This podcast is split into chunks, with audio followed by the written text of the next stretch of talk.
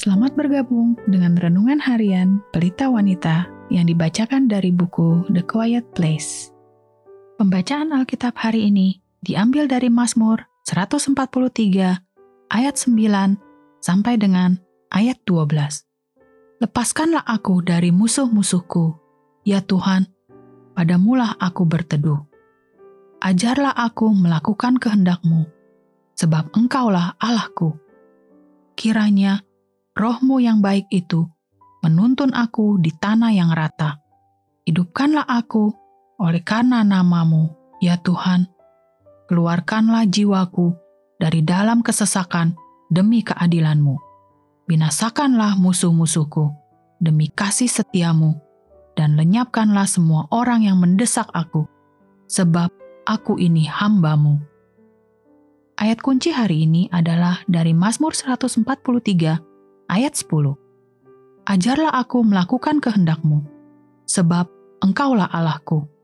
Kiranya rohmu yang baik itu menuntun aku di tanah yang rata.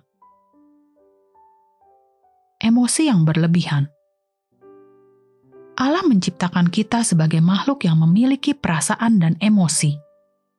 Bayangkan, jika kita tidak bisa merasakan sukacita dan kegembiraan, atau juga rasa sakit dan kesedihan. Perasaan dan emosi adalah pemberian dari Tuhan. Namun, sering kali kita hidup diperintah dan didorong oleh apa yang saya sebut tipuan perasaan, pikiran dan perasaan yang kita tahu tidak pada tempatnya, tapi sulit kita kendalikan. Kita merasa kesal, marah, tertekan, atau frustasi. Dan bahkan ketika kita tahu apa yang seharusnya kita lakukan, atau bagaimana seharusnya kita berespon, perasaan-perasaan yang tak terkendali ini mengatakan hal yang sebaliknya di dalam diri kita. Tetapi kenyataannya adalah, oleh anugerahnya, kita bisa membawa emosi-emosi tersebut di bawah pengendalian rohnya. Kita bisa menjernihkan pikiran kita dan menerima kuasa untuk mendisiplinkan kedagingan kita bahkan saat kita sedang benar-benar marah dan penuh rasa benci. Saya telah menemukan dua kunci penting untuk mengendalikan emosi daripada membiarkan diri kita dikendalikan oleh emosi kita. Yang pertama adalah firman. Saat emosi saya sangat di luar kendali, biasanya hal itu terjadi ketika saya sedang tidak sungguh-sungguh memeditasikan kitab suci yang menawan segala pikiran dan menaklukkannya kepada Kristus.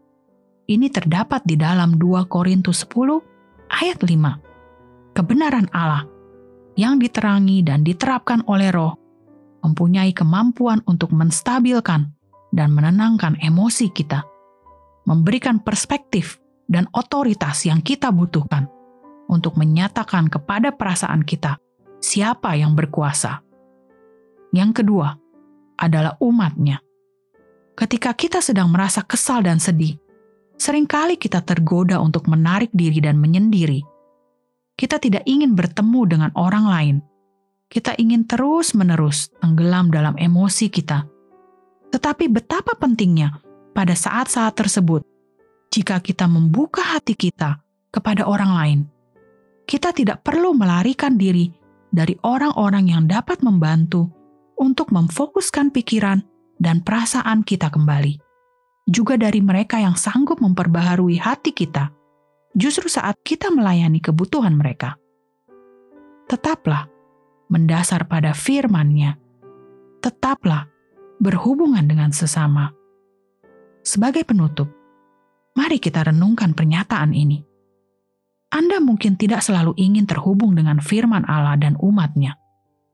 Mintalah kepada Allah untuk memberikan kepada Anda anugerah untuk bisa melakukan apa yang benar berdasarkan iman dan untuk membawa perasaan Anda di bawah pengendalian rohnya.